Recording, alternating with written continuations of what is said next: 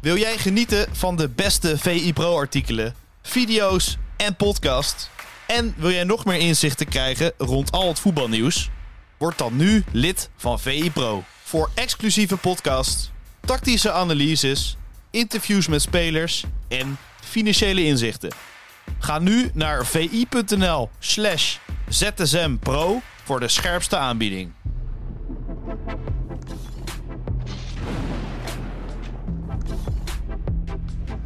Welkom bij de VIZSM van vrijdag 10 november. Ik ga het uh, actuele voetbalnieuws en ik is trouwens Sjoerd Keizer met Bart Vrouws doornemen. Een hele goede morgen eh, Bart. Goedemorgen Sjoerd. Spring maar achterop weer op de tandem van uh, Keizer uh, en Vrouws. Scoreboardjournalistiek staat er weer op, dus na deze podcast meteen maar even door naar die als je klaar bent met deze podcast. en we beginnen met het meest gelezen artikel en ja, het meest jammere nieuws wel, denk ik, van de avond gisteren dat de coëfficiënten niet zo lekker gaan. En dat Frankrijk echt in de nek hijgt. En ja, bijna er overheen is voor de vijfde plek. Ja, dat klopt. Ja, het scheelt. Dat is 0,03 punt. Ja. zoiets. Dat, dat is echt uh, nou, in een vloek en een, en een scheet of een zucht, hoe je het ook wil noemen, is dat, uh, is dat gaatje gedicht door Frankrijk. Het is ook niet heel realistisch, denk ik, om te verwachten dat Nederland die vijfde plaats echt lang vasthoudt. Dus het is jammer, natuurlijk. Uh, alleen ja, dat Frankrijk er overheen wipt, is, is wel denk ik wel, wel logisch. Ja, want het gaat dus om drie vaste tickets. We hebben er nu twee en dat vonden we eigenlijk al eh, heel bijzonder. Het kan ook iets positiefs zijn hè, dat we eh, zesde worden. Want dan pak je waarschijnlijk meer punten in de Europa League en de Conference League. Wat nog steeds een vreemd systeem is natuurlijk. Ja, het moet een soort, je, moet, je moet zoeken naar de ideale mix van wel Champions League plekken, maar ook plekken in de mindere competities waar je dan de punten kan sprokkelen. Ik denk dat, dat, dat dan die zesde plaats voor Nederland misschien wel een uitkomst is. Dat je daarmee toch nog ja, op de ideale balans zit met en veel ploegen in de Champions League om, om geld binnen te harken. Maar ook nog ploegen in de mindere competities om de punten te pakken. Zeker. Ajax en AZ eh, dus uh, gisteren uh, verloren. Wel wat perspectief bij AZ. Vind je ook dat er wat perspectief bij Ajax bij is gekomen na die nederlaag? Of ben je bij het team dat het weer vrij kansloos was? mag ook allebei eigenlijk. Dat je wel wat lichtpuntjes zag, maar dat je alsnog denkt dat het redelijk kansloos was tegen een ploeg als Brighton. we, we, we hebben aan de ene kant hebben we Brighton een beetje uh, omhoog geschreven. Aan de andere kant zijn ze ook gewoon echt goed. Dus ik vind het ook niet heel gek dat je daar met, met 2-0 van verliest. Ik vind het knap dat Ajax wat meer initiatief toonde, wat meer lef. Dat zij uh, van het schip na de hand ook. Nou, dat zie je ook in cijfers. Uh, balbezit vorige keer was 36%. Dat was het laagste sinds, sinds dat gemeten wordt in de uitwedstrijd. nu was het 54%. Je zag dat Ajax wat meer lef toonde, wat meer druk probeerde te zetten. Alleen ja, je merkt dan ook wel aan de andere kant dat je niet heel veel creëert. In de eerste helft twee pogingen van, van afstand. Um, uiteindelijk acht schoten. 0,7 expected goals. Dus je had ook niet eens echt een doelpuntje mogen verwachten. Het, het was te weinig om, om Brighton echt te doen beven. Zeker. En uh, een experiment. Uh, centraal achterin, Diver en Range. Uh, daar ging de analyse van Pieter Zwart ook over. Dat was niet helemaal geslaagd uiteindelijk, hè? Nou ja, het liep niet zoals uiteindelijk moest inderdaad. Ik vond het wel een interessante optie, omdat je de laatste weken ziet dat, dat ze moeite hebben om via het middenveld naar, naar, naar de aanvallers te komen. En dit was dan misschien een foefje om daar wat meer uit te halen. Uh, nou, je zag dat er een paar keer inderdaad een voorwaartse bal werd gegeven uh, naar range vanuit, uh, vanuit de jongens die dan centraal achterin nog stonden. Alleen ja, je mist dan toch net weer net, misschien is dat net niet de goede speler om daar te hebben, range. Dus je, je, mist eigenlijk nog het hele seizoen al iemand die op die positie de lijnen uit kan zetten. En Ajax heeft er genoeg geprobeerd onderhand. Maar ja, je mist net even die ene goede speler, denk ik, die, uh, die daar de verbindingsspeler kan zijn. Uh, richting, uh, richting de aanvallers. Want je zag ook nu weer dat er alsnog weer een heleboel uh, bases rondgingen tussen Hato en, en Shootalo. Dus dat ze ook, ook nu weer redelijk aan, te, aan het rondtikken waren om te zien waar het gaatje lag. Nou, dat is natuurlijk ook de verdienste van Brighton. Maar ja, het, het, zat, er, het zat er weer niet in met, met de aanvoer naar voren. Nee, Bergwijn als aanvoerder een beetje onzichtbaar. Hè? En ja, die renteert dan vooral nou ja, helemaal onzichtbaar. Uh, dat is toch vreemd in zo'n wedstrijd waarvan je denkt, nou, uh, hij zit beter in zijn vel, uh, je bent aanvoerder. Het is toch zo'n wedstrijd waarvan je toch iets verwacht van Steven Bergwijn. Ja, nou ja, de cijfers zijn redelijk onverbiddelijk. Als je de uitwedstrijd en thuiswedstrijd pakt. 165 minuten gespeeld, dat is volgens mij twee uur en drie kwartier op het veld gestaan. Nul schoten, nul gecreëerde kansen, geen voorzet aangekomen. twee keer de bal gehad in het 16 van Brighton ja, dit zijn de spelers van wie je wat meer mag, mag verwachten volgens mij. Het is altijd flauw om weer het prijskaartje erbij te halen. Maar ja, hij is, de, hij is de ervaren man, ook qua leeftijd. En van hem wil je toch wat zien. Maar als hij letterlijk in twee wedstrijden niks uh, heeft bijgedragen in aanvallend opzicht. Ja, dat is gewoon echt ondermaats. Ja, en we hebben het wel vaker over Bobby gehad. Die, dat is misschien een lichtpuntje met enige fantasie. En, en natuurlijk enorme pech dat die bal niet over de lijn rolt. Hè. wat, wat een karambol was dat. Ja, Dick Jasper zou trots zijn. ja, maar echt. Nee, ja, maar die was misschien wel een lichtpuntje, toch, Bobby? Ja, vond ik wel. En die, die speelt de laatste weken uh, best aardig. Alleen het afronden is nog steeds een ding. Hè. En ja, dan heb je ook gewoon pech. En dat, ja, uh, dat zag je dan gisteren inderdaad met die, uh, met die karambol. Die, die allebei de palen raakt en dan alsnog er weer uitvliegt. Dat was, dat was ja, gewoon echt, echt zuur. Je gunt die jongen op een gegeven moment ook gewoon een doelpunt. Omdat hij zichzelf gewoon in de weg gaat lopen bijna, heb je het idee. En ja, dat, dat doelpuntje had, had misschien wel weer een, een extra boost kunnen geven. Ik moest uh, bij die fout van Vos ook een beetje aan uh, Quinten Timber denken, ook uh, deze week. Inleveren en hop, twee, drie passes en een doelpunt tegen. Ja. ja, dat is wel een Europese les natuurlijk. Ondanks dat Brighton helemaal geen ervaring heeft in Europa. Maar... Nee, nee, klopt. Dat is een goed punt wat je maakt inderdaad. Maar dat dit soort dingen wel afgestraft worden door, door ploegen die op een hoger tempo spelen, op een hoger niveau spelen. Ik vond het trouwens een hele gekke actie van Vos. Want hij neemt hem aan met links. Ja. Je ziet hem, ik, ik, heb die, ik heb die beelden. Ik zag vanochtend nog een paar keer die samenvatting te kijken. Je ziet hem naar links kijken, omdat hij denkt misschien kan daar open draaien. Nou, dan denkt hij, dat gaat niet lukken. Hij neemt hem met, ook met links aan. Dat is niet zijn favoriete been. En daarna speelt hij hem blind. Met ook weer met links naar de andere kant, richting Hato. Ja, daar staat een mannetje om te onderscheppen. Dat is een hele gekke actie. Je moet hem, je moet hem maar eens terugkijken zometeen. Als je nog een keer de samenvatting uh, gaat kijken. Van wat, daar nou, wat hij daar nou doet. Het is, hij ziet dat het aan de ene kant dicht staat. Neemt hem toch aan om op die kant open te draaien. En dan draait hij heel gek uh, de, de andere kant op. Hele, hele rare actie eigenlijk. Jeugdigheid? Trouwens, als je, ja, misschien ook wel jeugdigheid. Ik heb trouwens nog één. Ik, ik zet die samenvatting te kijken uh, nog een keer om wat gekke dingetjes eruit te halen. Als je, als je niks te doen hebt vanochtend, kijk nog eens die samenvatting naar de uh, 79ste minuut. Is er een kans voor Forbes? Ik weet niet, heb jij vroeger veel FIFA of PES gespeeld? Ja, zeker. Nou, dan heb je wel eens dat je. Ik had er dan ook vaak dat je dan. Dan heb je een speler, dan stuur je iemand diep. En dan lijkt hij op een soort onzichtbare rails vast te zitten.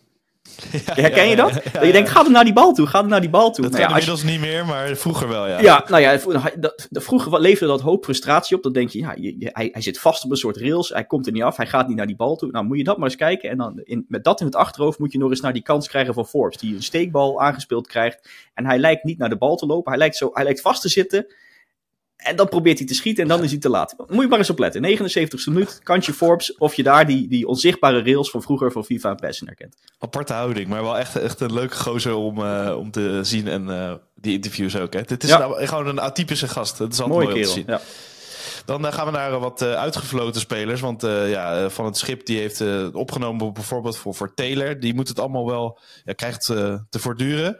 Dat is wel echt zo'n groot contrast. Hè. Die twee wedstrijden die er gewonnen werden, was er echt een steun naar, naar, de, naar de spelers toe. Nou, niet een feestje. Brouwers noemde het wel alsof Ajax de Champions League had gewonnen, maar logisch natuurlijk. Maar dat, dat kan zo snel omslaan, hè? Terwijl je denkt, ja, het is toch vrij realistisch dat je tegen Brighton het ongelooflijk lastig hebt.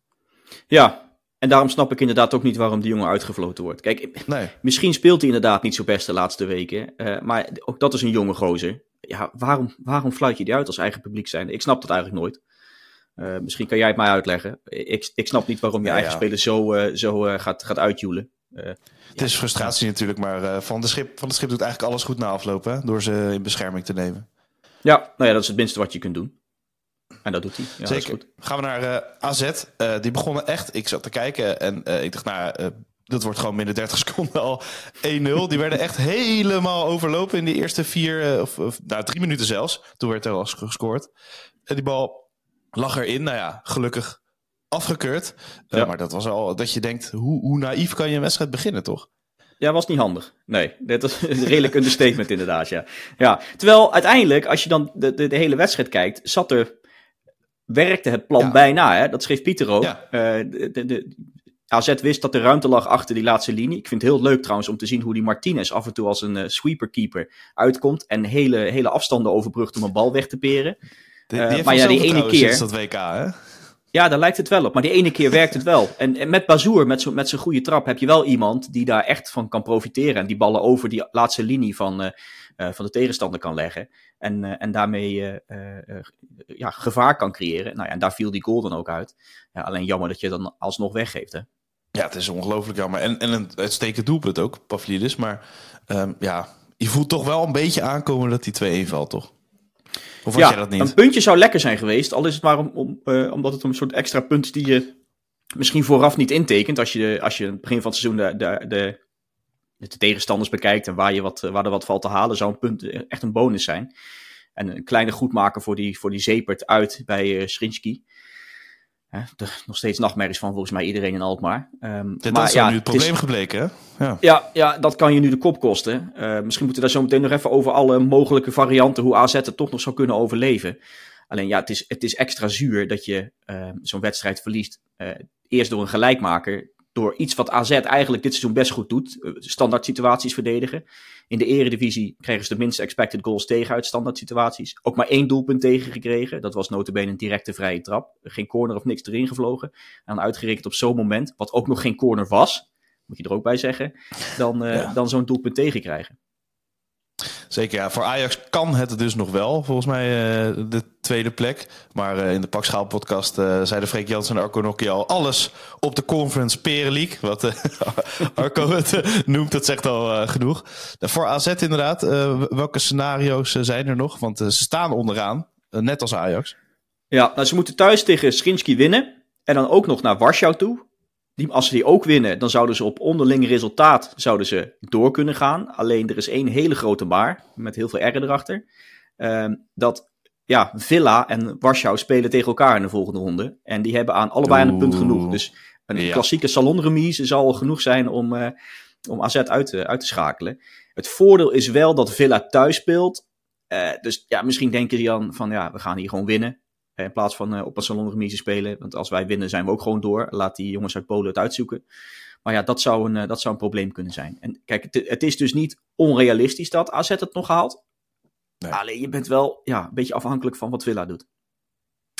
Ja, een beetje hetzelfde bij Feyenoord. Hè. Die moeten ook volgens mij uh, echt wel winnen. Anders gaan Atletico en Lazio op een gegeven moment ook uh, op een akkoordje. Dat zijn ook wel ploegen die dat wel zullen doen, hè, denk je? Ja, ja, dat ga je wel, uh, wel bijna denken. Maar mag ik nog één ding? Ik zat, ik zat er gisteren over aan uh, te, te, denken. Je, je kijkt van zo'n wedstrijd en ik ben wel benieuwd naar jouw mening.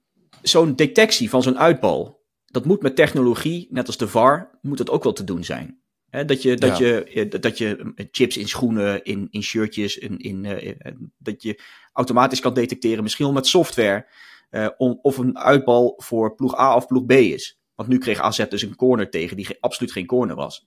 Moet je dat willen? Vind jij dat iets wat. Want het, technisch gezien moet het mogelijk zijn. En dan misschien niet in de KKD en helemaal niet in het amateurvoetbal. Hetzelfde verhaal als met de VAR. Maar wat denk jij? Zou zoiets, zou zoiets moeten in, in, in die grote Europese toernooien? Als het zou kunnen? Ik denk dat we er wel uiteindelijk naartoe gaan. Maar eh, volgens mij heb ik daarover gelezen dat sowieso op de doellijn is al echt ongekend uh, duur, zo'n systeem. Maar daar hebben we nou eenmaal voor gekozen. Een beetje collectief ook. Hebben we aan mm meebetaald.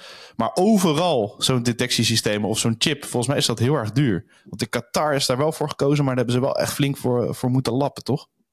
Ja, nee, het is duur. Maar als je ziet wat, wat, wat voor geld er omgaat in die Europese toernooien, dan, dan ja, zou je denken dat clubs ja, daar uh, gewoon uh, moeten zeggen, misschien moeten we het dan dat maar doen. een corner en, waard is. Ja, ja, ja. Nou ja, het, hoe, hoe het een wedstrijd kan beïnvloeden. Kijk, corners aan zich zijn in, in de regel niet altijd heel gevaarlijk. Er wordt maar aan een paar procent gescoord. Alleen ja, dit soort dingen, zo'n lullige situatie. En volgens mij haalde uh, na de wedstrijd Kees Jansma ook nog even de WK-finale aan van 2010, waar Oranje een corner had moeten hebben. Nou ja, aan de andere kant ja. vliegt hij er uiteindelijk ja. in, dan kost je de wereldbeker. Een beetje gechargeerd natuurlijk.